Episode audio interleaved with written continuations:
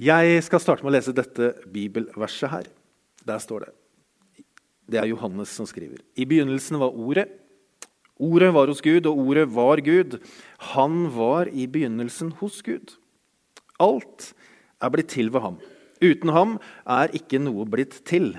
Det som ble til i ham, var liv, og livet var menneskenes lys. Lyset skinner i mørket, og mørket har ikke overvunnet det. Du vet at alt begynner et sted. Livet ditt og livet mitt begynner et sted, og kristen tro starter også et sted. Hva starter det med? Jo, det starter med Gud. Alt starter med Gud. Og målet med livet, og målet med kristen aktivitet og Målet med troen på Gud, det er å se mer av Gud sammen. Fordi kristen tro er ikke noe individualistisk tro. tro. Det er ikke noe du gjør alene. Det er jo mange som har forsøkt det, å tro alene. Og det funker over tid ganske dårlig. Fordi kristen tro er en tro i et fellesskap på Gud, sammen med Gud og sammen med de som tror. Og så er det da en tro på at lyset skinner i mørket. Fordi mørket har ikke overvunnet det. Og så tenker jeg I disse versene her, som er liksom Johannes-prologen, kaller vi det for, så er det tydelig at Bibelens Gud ikke er en Gud som er veldig langt borte i tilværelsen. liksom I utkanten. Han er ikke der. Johannes skriver at Gud griper inn i tilværelsen vår og blir nær. Han griper inn i det mørket som var, og som alle mennesker automatisk dras mot. Det griper han inn i. Han skriver at lyset skinner i mørket. Og mørket skal ikke, og kommer ikke, og har ikke, kommer aldri til å overvinne lyset. Derfor er de gode nyhetene i evangeliet ikke at det finnes et løfte om fravær av mørket. Det er ikke evangeliet. Det er ikke et fravær av mørket, men at det finnes et lys som mørket ikke kan overvinne. Lyset skinner i mørket, og mørket kan ikke overvinne det. Jeg tenker at Mørket, selv om det føles mørkt og mektig, så er det ikke allmektig.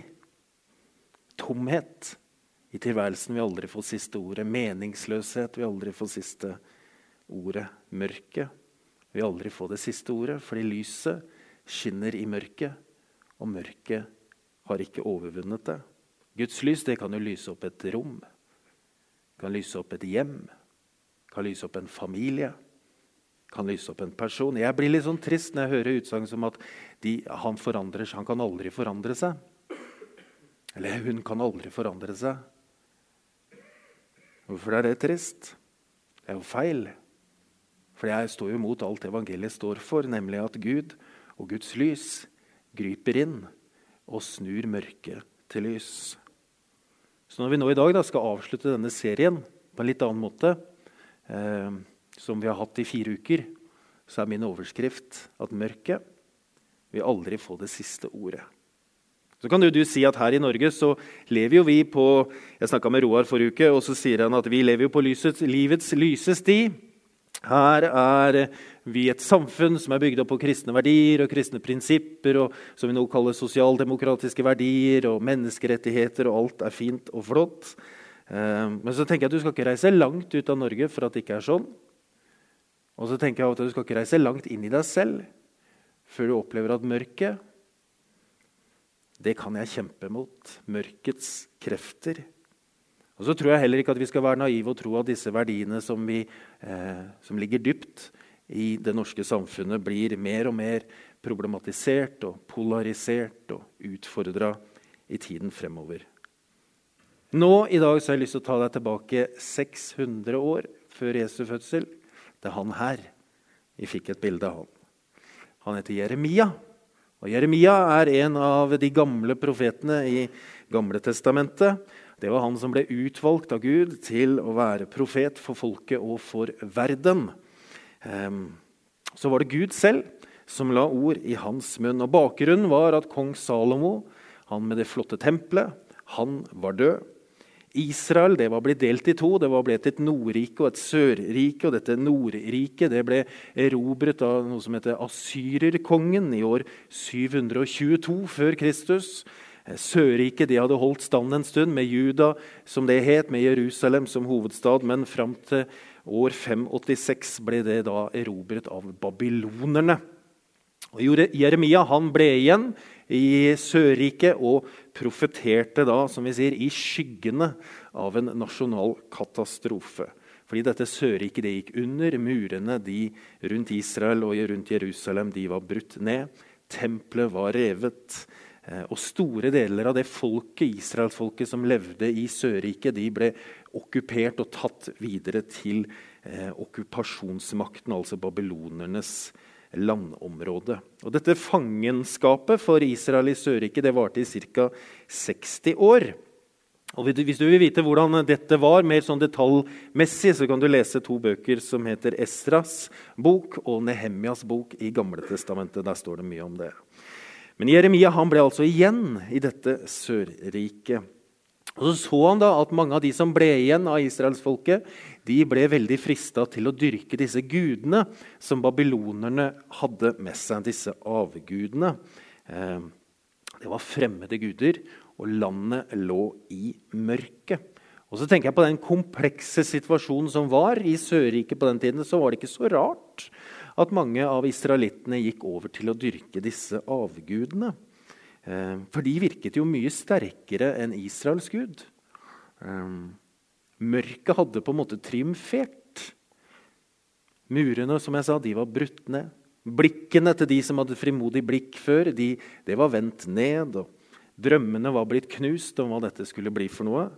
Eh, og Det var hjerter som var fulle av sorg, av tap. og Mange, mange ledere manglet mot.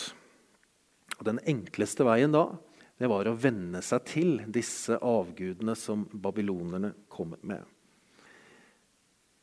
Martin Luther han har sagt at om, om, når han skal forklare det første av de ti bud, altså du skal ikke ha andre guder meg, enn meg, så sier han at den du stoler på, den er din gud. Altså en avgud er noe du gir tillit til, noe du stoler på. En tillit som Gud egentlig var ment til å ha. Den du stoler på, er din Gud. Og da har jeg tenkt hvem er det jeg stoler på? Hvem er det jeg gir min tillit til, som kanskje Gud skulle ha? Er det noe som er en løgn, kanskje? Eller er det noe som ikke er verdt å stole på? Er det noe som egentlig holder, som jeg har gitt min tillit til? Hva er det jeg stoler på? Hos Jeremia så handler ikke avguder bare om tillit. Eller feilaktig tillit. Det handler om noe mer. Han sier, og da er det Gud som taler, hva galt eh, fant fedrene eh, deres hos meg, siden de gikk bort fra meg, fulgte tomme guder og selv ble tomme? Altså, hva galt fant fedrene deres hos meg, siden de gikk bort fra meg, fulgte tomme guder og selv ble tomme. For to onde ting har folket mitt gjort. De har forlatt meg, kilden med levende vann, og hugget seg brønner, sprukne brønner som ikke holder vann. Sprukne brønner som ikke holder vann. Har du noen gang vært på tur og hatt en termos i sekken? Liv har vært på tur mange ganger, vet jeg. Men har du vært på tur og hatt en termos i sekken med kaffe eller vann, og så kommer du fram, og så har alt lekket ut? Har du opplevd det? Eller i hvert fall masse. Eller du har reist til Syden og så har du tenkt at jeg skal i hvert fall ha med den flotte parfymeflasken min, selv om den ikke går inn i det jeg kan ha med i håndbagasjen. Så jeg legger den i innsjekka bagasje, og når du kommer fram, så er alt parfyme i bagasjen din. Uh, jeg har ikke gjort det siste her, det er, men jeg har, jeg har, sett noen bilder av noen som har gjort det, som har handla maling på butikken, og så har de kjørt hjem, da, så har de rista litt, og så har det gått hull. da. Og det er jo veldig dumt. Jeg tenker at noen av oss har hatt noen folk med på reisen vår som har eh, sprukket. Noen som vi har lagt vår tillit til, som har svikta. De reiste et annet sted, eller de bedro. De var som disse sprukne brønnene som ikke holder vann. Og Når vi oppdager at noe sprekker eller ikke holder vann og lekker, Da blir vi plaget av det, og så kan det bli tomt. Og den følelsen om at det er tomt, den kan vi være ganske uforberedt på. For plutselig så er den der. Det er som mørket er der, og så er det tomt. Og da blir det meningsløst. Disse avgudene på Jeremias tid de var jo laget av mennesker, og han skriver noe om det.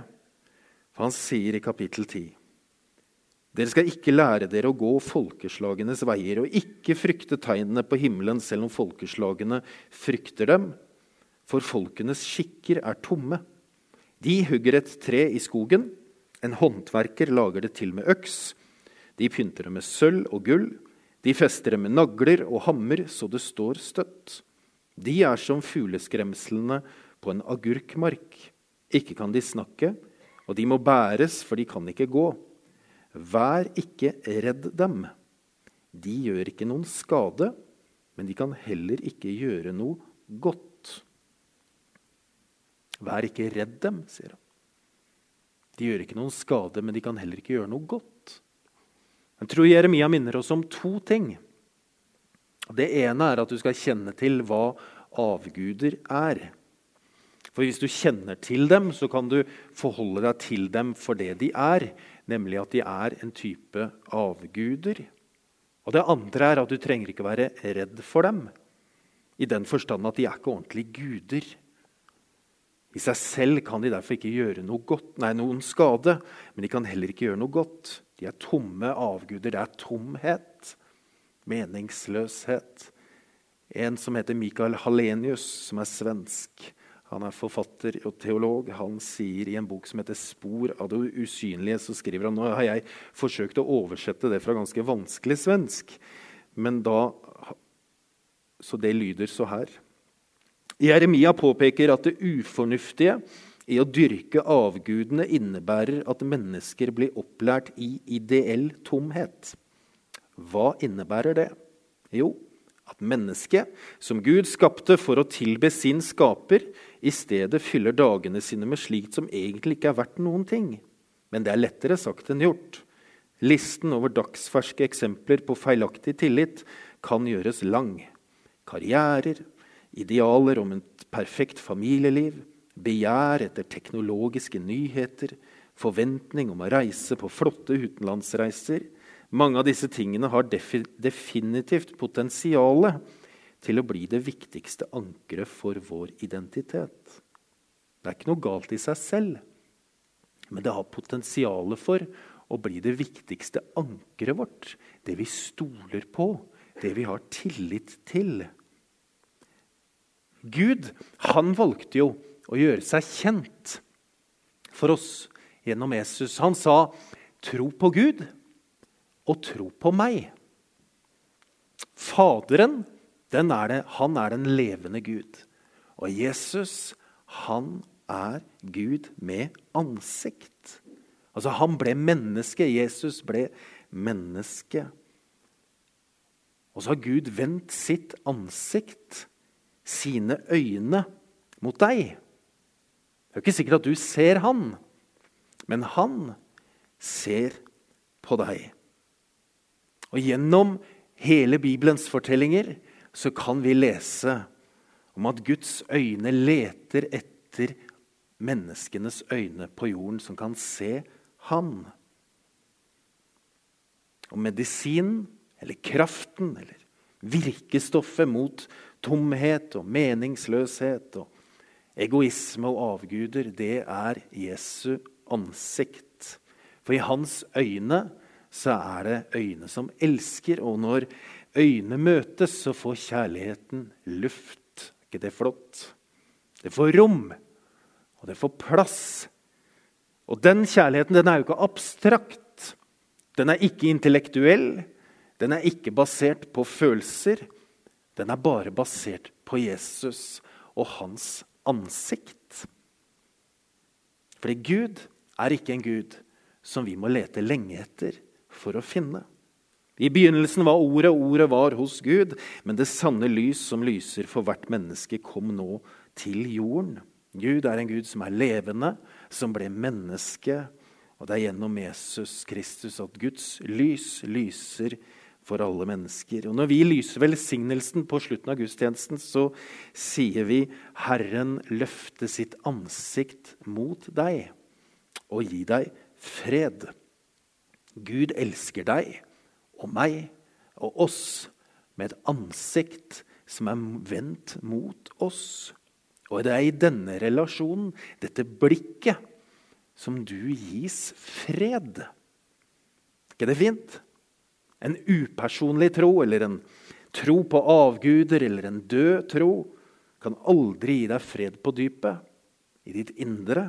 Det er bare innenfor Guds ansikt, ansikt til ansikt med Jesus, som du gis fred. Jeg har en bestefar. Det er han til venstre i begge bilder. Han døde for noen år siden. Ehm, han var krigsseiler, og så var han min helt. Og er det fortsatt. Fordi han, midt i krigen, og ikke minst i årene etter krigen, opplevde å leve med fred i hjertet. Ja, det var ufred utenfor, og det var mange ting. Og han kjente på mange sterke kamper av dette mørket i sitt indre. At det var en kamp mellom noe som var mørkt, og noe som var lyst. Men i bunnen av hans person og i hans liv, i hans indre, så lå det en fred fra Gud, fordi han hadde sett Jesu ansikt som hadde gitt han en fred på dypet. Og det var ingenting i denne verden av det han møtte, som tok fra han den freden. Fordi han hadde møtt Jesu ansikt, og han var lyst fred over seg. Gjennom de siste ukene så har vi eh, forsøkt å gi noen innspill til hvordan man kan gi evangeliet om Jesus videre til neste generasjon og til de som enda ikke tror. Og så er jeg veldig klar over, eller har tenkt mye på, og er klar over det, at for mange av oss eh, så har vi egentlig nok med å finne fred i vårt indre. Om vi ikke i tillegg skal liksom trøble med at dette må vi liksom gi videre til andre. Vi har liksom mer enn nok med oss selv og det vi strever med selv, enn denne liksom maset fra unge Daland, som snart er 40, til neste år, eh, til å skulle gi det videre. Så jeg har likevel lyst til å utfordre deg på én ting. Og så er alt dette som jeg har sagt før, fram til nå, i dag, det er på en måte en innledning. Og så kan ikke du tenke at ja, er han halvveis til innledningen? Hvor lenge skal han holde på? liksom? Men, eh, men jeg tror at vi alle på ulikt vis strever med denne kombinasjonen av å ha fred og ufred og mørke og lys på innsiden av oss. Og så har vi alle samtidig eh, et oppdrag og et jag, en, sånn, eh, en lengsel etter å kunne i hvert fall ha være med på å gi noe videre til andre. Og Da skal jeg bringe inn et siste element til slutt. Og jeg ser at dere sitter etter å ta det inn. Er dere klare? Det er nemlig Paulus, han, Paulus han skrev mange brev som vi har kopi av. Og så skrev han bl.a. to brev som vi har fått kopi av, som går til Timoteus. Og så tror vi det at fordi litt sånn hvordan eh, første Timoteus brev starter, så tenker vi at her er det vært nødt til å skrevet en del brev før. Og de har vi ikke. Men vi har i hvert fall første Timoteus brev, og så skal jeg da hoppe til andre Timoteus brev. Og det som var, det var det at Timoteus, han, ut ifra det man Paulus skriver, så, tenk, så, er det lett å tenke at her var det mye greier for Timoteus. Jeg tror han var sliten. Her var det både mørke og lys, og indre kamp og ytre kamp, og det var mange ting. Forvirra og omtåka. Det var ikke, var ikke, lett å være Timoteus alltid. Eh, og så skriver da Paulus som en sånn oppmuntrende glød så skriver han da Vær da sterk, mitt barn, ved nåden i Kristus Jesus. Det du har hørt av meg, i mange vitners nærvær, skal du gi videre til pålitelige mennesker som er i stand til å undervise andre. Bær også du lidelsene som en god stridsmann for Kristus Jesus. Ingen soldat lar seg hindre av dagliglivets gjøremål, for han vil gjøre som hærføreren vil, og en idrettsmann må følge reglene om han skal vinne seierskransen. Bonden som arbeider hardt, skal få først av avlingen. Tenk over det jeg sier, for Herren skal gi deg innsikt i alt. Først sier han, 'Vær sterk'. Vær sterk, Timoteus. Er det? Ikke i deg selv, men i nåden, i Kristus Jesus. Og så sier han at du skal stole på det du har hørt. For det du har hørt, har du hørt av pålitelige vitner. Og, du skal, og du skal gi det videre da, til pålitelige mennesker som kan gi det videre. Vi kaller det sånn fint for 2-2-2-prinsippet. Altså 2. Timoteus 2,2, for det er i vers 2 som det står. Gi det eh, Det du har hørt av meg i mange vitners nærvær, skal du gi videre til pålitelige mennesker. Som er i stand til å undervise andre. Det er 2-2-2-prinsippet. Men etter det gir jo Paulus da tre eksempler som er ment til oppmuntring for han.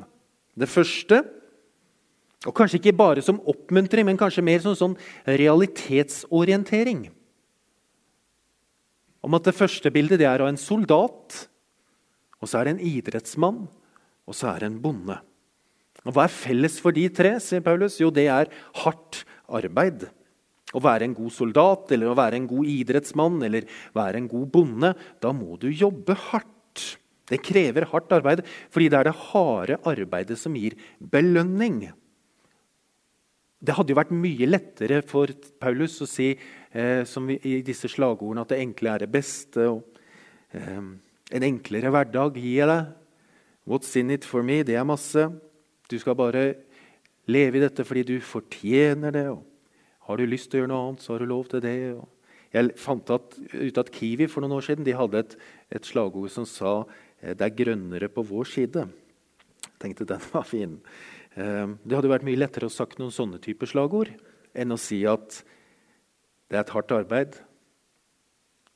Og så tenker jeg jeg tror at vi som kirke, i iveren etter å ikke legge en ekstra byrde på mennesker, står i fare for å forenkle et oppdrag og dermed et budskap om hva det innebærer å bringe evangeliet videre til neste generasjon, som fører til at budskapet vi formidler, det blir platt, det blir enkelt og naivt, og dermed ganske enkelt å avvise. Det er veldig lov å være uenig i det utsagnet der. Men jeg tror at vi trenger å formidle oppdrager sånn som Paulus formidler det til Timoteus.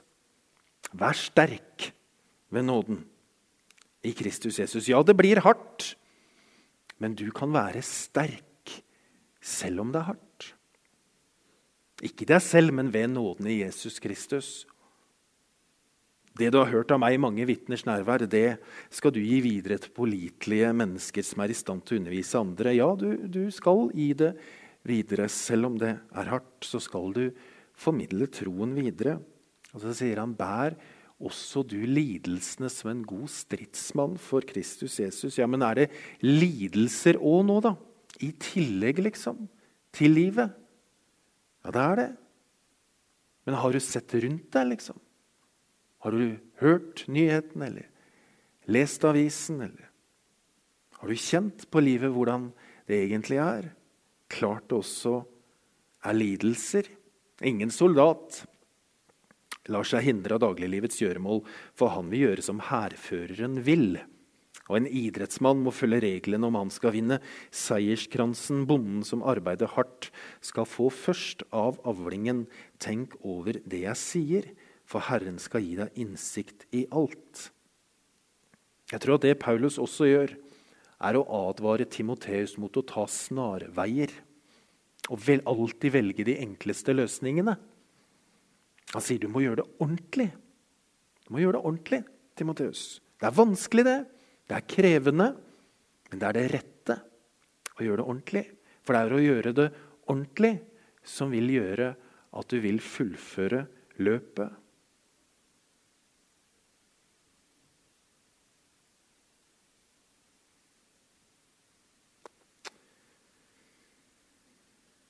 Det er jo veldig lett å dyrke ugress. Har du prøvd det? Noen prøver jo på det hver sommer. vet du. For det kommer jo av seg selv. Og så er det jo veldig lett å få noe til å vokse raskt.